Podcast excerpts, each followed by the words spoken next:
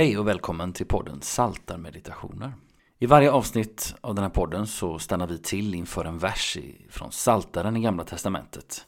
Det blir ett stycke undervisning utifrån den vers som vi stannar till inför och så får vi också lyssna till en stunds stilla musik. Varmt välkommen att lyssna.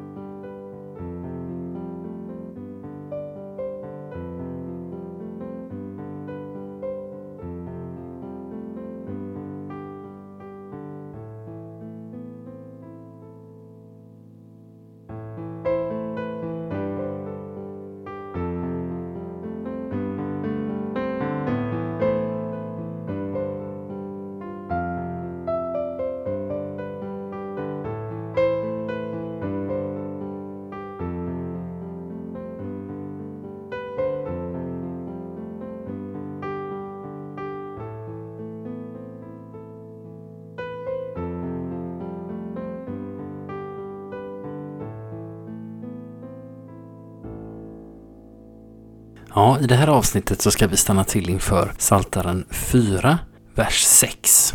Och jag vill därför börja med att läsa hela Saltarens psalm 4.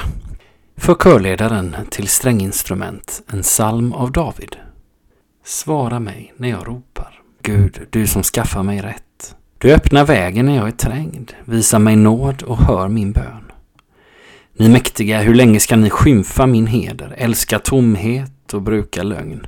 Ni ska veta att Herren har varit förunderligt god mot mig. Han hör när jag ropar till honom. Upprörs ni, så synda inte. Säg där ni ligger på er bädd, var stilla. Ge rätta offer, förtrösta på Herren. Många säger, vem kan ge oss lycka? Herre, låt ditt ansikte lysa över oss. Av dig har jag fått en större glädje än de som fått korn och vin i mängd. Jag lägger mig ned i frid och sover. Du, Herre, låter mig bo i trygghet. Och idag stannar vi alltså till inför den sjätte versen här i Psaltaren 4. Som alltså låter så här. Ge rätta offer, förtrösta på Herren. I den vers som vi stannar till vid idag får vi till oss två kortfattade uppmaningar. Ge rätta offer och förtrösta på Herren. Guds ord har massvis att säga när det kommer till dessa båda uppmaningar. Man kan till och med säga att några av Bibelns huvudärenden är att visa läsaren vad som är rätta offer och att uppmuntra och förmå läsaren att just förtrösta på Herren. Den vers vi stannar till vid idag sammanfattar alltså på ett sätt mycket av vad vi kan få till oss i Bibeln, ordet i stort. Den bok i Bibeln som framför andra handlar om offer i tredje Mosebok. Där finner läsaren en lång rad lagar och instruktioner för de olika slags offer som Gud ålägger sitt folk. Till exempel brännoffer, matoffer, gemenskapsoffer, syndoffer och skuldoffer. Man skulle kunna säga att tredje Mosebok beskriver såväl när som hur och varför dessa olika slags offer ska genomföras. Det är dock tydligt att alla dessa offer i sig inte förmår upprätthålla relationen mellan Herren och hans folk, varken då buden gavs eller senare. Offrandet kan, precis som bönen eller bibelläsandet, bli till något mekaniskt, tanklöst och kärlekslöst, något som bara görs utan tanke på vem offret riktar sig emot, nämligen Herren själv. Det finns risk att hjärtat inte är med i det som sker och det är vårt hjärta som Herren vill ha. Guds ord talar på flera ställen om hur det finns något bortom en människas offer. Som är det som Gud djupast sett vill nå fram till. En människas allra innersta, hennes hjärta. Till exempel säger David till Gud i Psaltaren 51, verserna 18 och 19 Slaktoffer vill du inte ta emot och ger jag dig brännoffer försmår du det. Det offer du begär är ett förkrossat hjärta. En krossad och nedbruten människa förkastar du inte, o Gud.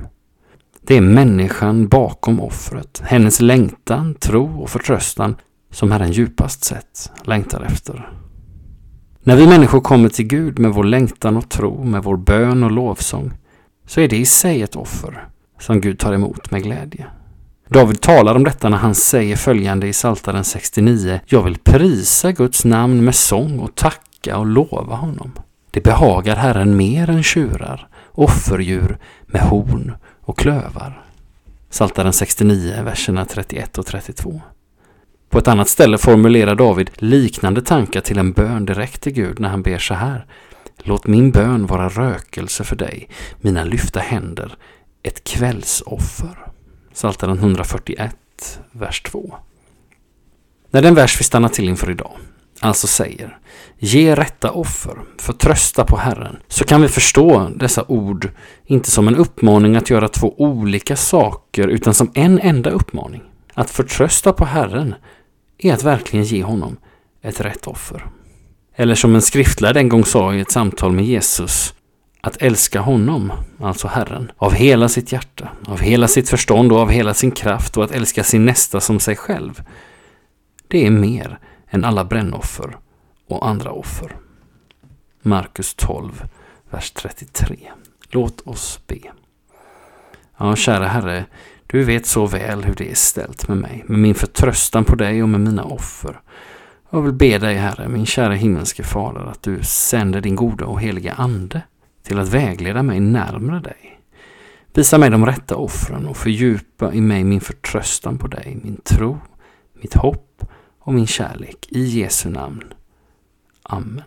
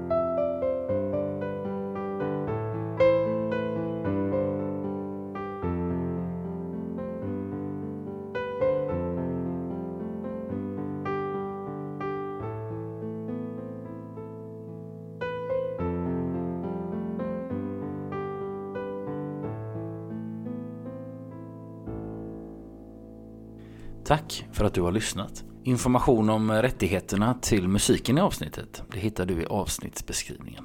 Tills vi hörs igen så önskar jag dig som har lyssnat allt gott och Guds rika välsignelse. Hej då!